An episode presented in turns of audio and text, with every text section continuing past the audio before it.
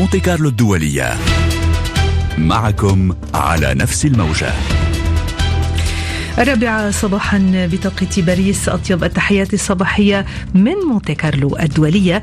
ونبدأ إرسالنا لهذا اليوم الاثنين التاسع عشر من فبراير بفترة البث المباشر. فترة بث مباشر على مدار أربع ساعات إخبارية واقتصادية وفنية وثقافية ورياضية. يرافقكم من وراء الميكروفون شيرين ناصر. ورولا أبي حيدر. صباح الخير شيرين. صباح الخير رولا. سيتناوب اليوم في فتراتنا الصباحية على نشرات الأخبار. معك رضا نبيل. شوفان المواجيز ستوفينا بها نجوى بن مبارك والقراءة في الصحف الفرنسية والعربية فستكون اليوم مع سليمان ياسين. وعلى الهندسة والتقنيات عادل مدني وعبد المنعم مرزوق وفي التنسيق سليم فريني. والآن إلى أولى نشراتنا الإخبارية مع كيرولا نستهلها بالعناوين.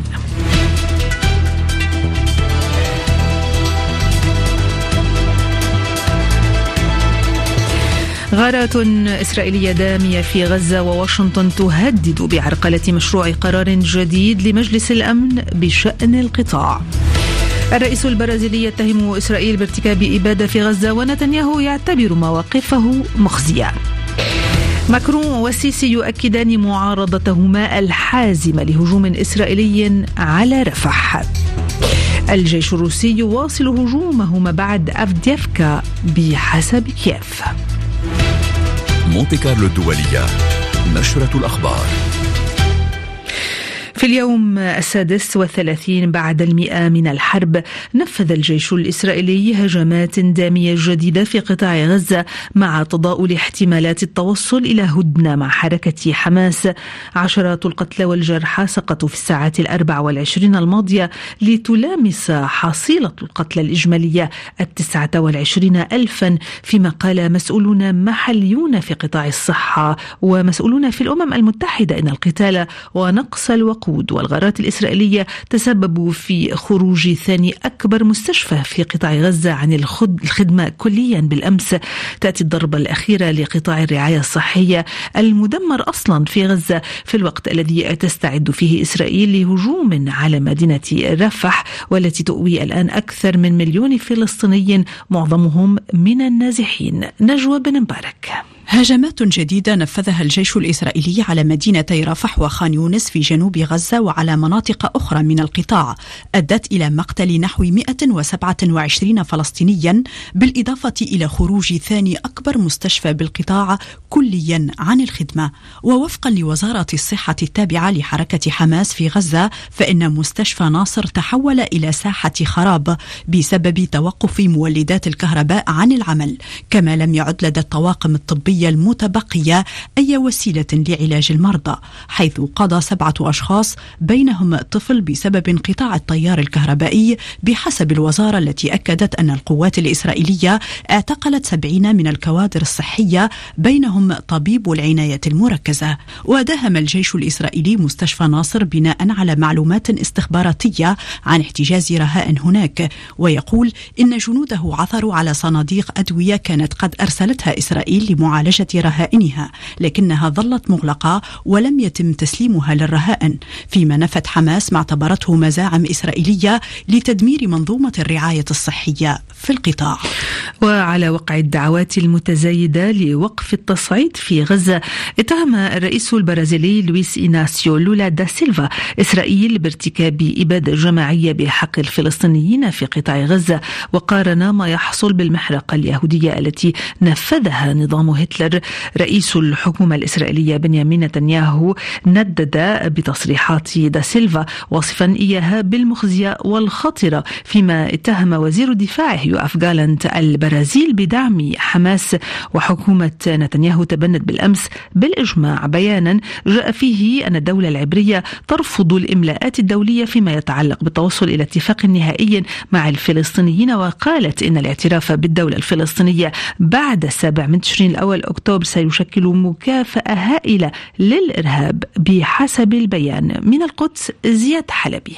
انطلاقا من القلق الإسرائيلي من أن تقود الحرب على قطاع غزة إلى فرض حل الدولتين وبسبب ضغوط وزراء اليمين أقرت الحكومة الإسرائيلية بالإجماع قرارا تصريحيا يرفض الإملاءات الدولية. قال إن إسرائيل ترفض هذه الإملاءات بشأن التسوية النهائية مع الفلسطينيين حيث لن يتم التوصل إلى هذه التسوية إلا من خلال المفاوضات المباشرة وبدون شروط مسبقة وأضاف القرار أن إسرائيل ستواصل رفضها الاعتراف من جانب واحد بدولة فلسطينية وتعتبر مثل هذا الاعتراف بعد السابع من أكتوبر جائزة ليس لها مثيل لما وصفه بالإرهاب وسيمنع التوصل إلى سلام.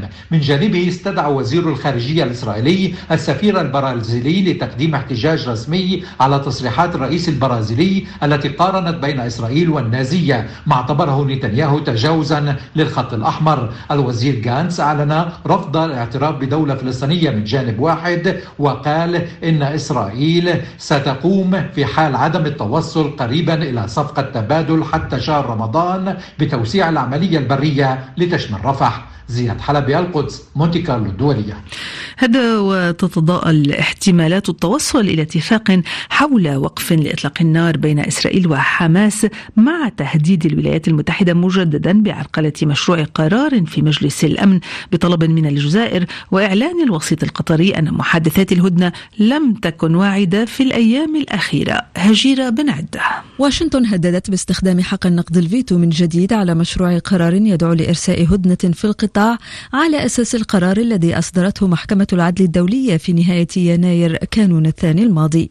مشروع القرار الذي تقدمت به الجزائر بعد مشاورات في المجلس يرفض التهجير القسري للمدنيين الفلسطينيين ويدعو إلى وضع حد لانتهاك القانون الدولي ولإطلاق سراح جميع الرهائن. المندوبة الأمريكية اعتبرت بأن الخطوة الجزائرية تهدد بتقويض المفاوضات الجارية بين إسرائيل وحماس حول الهدنة، وقال توماس جرينفيلد إنه إذا وصلنا إلى تصويت على المسودة الحالية فلن يتم اعتمادها وهو ما يعد تهديدا واضحا باللجوء إلى حق الفيتو لوأد مشروع القرار. وكانت واشنطن قد تجاوزت جميع الضغوط التي مارسها المجتمع الدولي واستخدمت حق النقض الفيتو لإحباط مشاريع قرارات تدعو لوقف لإطلاق النار في منتصف أكتوبر تشرين الأول ثم في بداية ديسمبر كانون الأول. الرئيس الفرنسي إيمانويل ماكرون ونظيره المصري عبد الفتاح السيسي أعربا عن معارضتهما الحازمة للهجوم الذي تتوعد إسرائيل بشنه على رفح وكذلك لأي تهجير قسري للسكان باتجاه مصر وفق بيان أصدره الإليزيه. هذا وتقدمت مصر بمذكرة لمحكمة العدل الدولية حول ممارسات إسرائيل المخالفة للقانون الدولي في فلسطين فيما نفى وزير الخارجية المصري سامح شكري مجددا وجود أي تجهيزات لاستقبال فلسطينيين مهجرين من رفح. مستجاب عبد الله من القاهرة. في خطوة تصعيدية تقدمت مصر بمذكرة لمحكمة العدل الدولية تشمل التأكيد على عدم شرعية الاحتلال الإسرائيلي أو ضم الأراضي وهدم المنازل وتهجير الفلسطينيين بالمخالفة لقواعد القانون الدولي. هذه الخطوة تم إعلانها بعد ساعات من تصريح لوزير الخارجية المصري سامح شكري أكد خلاله بأن بلاده لا تنوي إعداد أماكن آمنة للنازحين في غزة لأنها تعتبر أن تهجير الفلسطينيين أمر غير مقبول. مشيرا في الوقت ذاته إلى أن مصر سوف تتعامل بالإنسانية اللازمة إذا اقتضت الضرورة. وذلك في معرض رده على تقارير. تحدثت عن أن مصر تجهز منطقة على الحدود مع قطاع غزة يمكن استخدامها حال أدى هجوم إسرائيلي على مدينة رفح جنوبي القطاع إلى نزوح جماعي للفلسطينيين عبر الحدود. وبدت الحكومة المصرية حريصة على التأكيد على أن إقامة منطقة على الحدود مع قطاع غزة في سيناء. ليس له علاقة بتهجير الفلسطينيين حيث أوضح اللواء محمد شوشة محافظ شمال سيناء أن هذه المنطقة هي منطقة لوجستية لاستقبال المساعدات لصالح غزة لتخفيف الأعباء عن السائقين والتكدسات الموجودة بالعريش. مستجاب عبد الله القاهرة مونتي كارلو الدولية. وفي الضفة الغربية المحتلة قتل فلسطينيين فلسطينيان بالأمس خلال عملية عسكرية إسرائيلية في مخيم طول كرم للاجئين شمال الضفة وفق ما أكدت وزارة الصحة الفلسطينية والجيش الإسرائيلي بينما قتل ثالث برصاص جنود إسرائيليين عند نقطة تفتيش.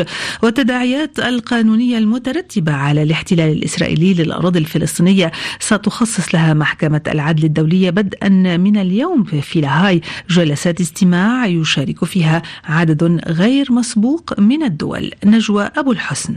المحكمة مدعوة هذه المرة في قضية لا علاقة لها بتلك التي رفعتها جنوب إفريقيا مؤخرا أمام المحكمة ذاتها والتي تتهم بها إسرائيل بالإبادة الجماعية. فمحكمة لاهاي مدعوة هذه المرة لإصدار رأي استشاري طلبته الجمعية العامة للأمم المتحدة منذ أكثر من عام ويتعلق بالاحتلال المستمر والاستيطان وضم الأراضي الفلسطينية المحتلة منذ عام 1967 محكمة لاهاي مدعوة أيضا للنظر بالتدابير الرامية إلى تغيير التركيبة الديمغرافية وطابع ووضع مدينة القدس ومن المتوقع أن تصدر رأيها بحلول نهاية العام وهو ليس ملزما إلا أنه يأتي وسط ضغوط قانونية دولية متزايدة على إسرائيل بشأن حرب غزة. قالت وزارة الخارجية النرويجية إن النرويج وافقت على المساعدة في تحويل أموال الضرائب المجمدة المخصصة للسلطة الفلسطينية والتي جمعتها إسرائيل مما يوفر تمويلا حيويا للسلطة الفلسطينية. وقالت الوزارة إن البرنامج المؤقت سيلعب دورا حاسما في الحيلولة دون انهيار السلطة الفلسطينية ماليا. اختتم بالأمس مؤتمر ميونخ للأمن العالمي أعماله بالتأكيد على أولويات ملف ملفات حرب غزة وأوكرانيا وأمن أوروبا في أجندة صناع القرار الأمني والاستراتيجي منصف سليمي موفد مونتي كارلو الدولية إلى ميونخ. نصف اتفاق حدث حول أزمة حرب غزة في ختام مؤتمر ميونخ للأمن العالمي. الجانب المستعجل من الأزمة لم يحرز فيه تقدم بسبب تباعد وجهات النظر الإسرائيلية والفلسطينية والعربية حول وقف إطلاق النار والتعامل مع مطالب حماس. رئيس الوزراء الفلسطيني محمد شتية دعا الفصائل الفلسطينية إلى الوحدة وحث حماس على حضور اجتماع موسكو لمناقشة المصالحة على قاعدة اعتراف حماس ببرنامج منظمة التحرير الفلسطينية واعتماد نهج مقاومة شعبية لا غير كما قال. بينما يشدد الجانب الإسرائيلي على أن القضاء على الإرهاب الذي تمثله حماس أولوية. العاهل الأردني الملك عبد الله فضل العمل في الكواليس من خلال اجتماعات مكثفة مع قادة أوروبيين ووزير الخارجية الأمريكي. ملف أمن أوروبا حظي بالاهتمام وتم التشديد على أنه مهمة الأوروبيين بالأساس ولكن مع تعزيز استراتيجيات حلف الناتو ودعم أوكرانيا. منصف سليمي مؤتمر ميونخ مونتي كارلو الدولية. في تطورات الملف الأوكراني أعلنت كييف أن القوات الروسية تشن عدة هجمات في شرقي أوكرانيا أثناء محاولتها التقدم إلى ما بعد أفديفكا غداة انسحاب قوات كييف من هذه المدينة الصناعية.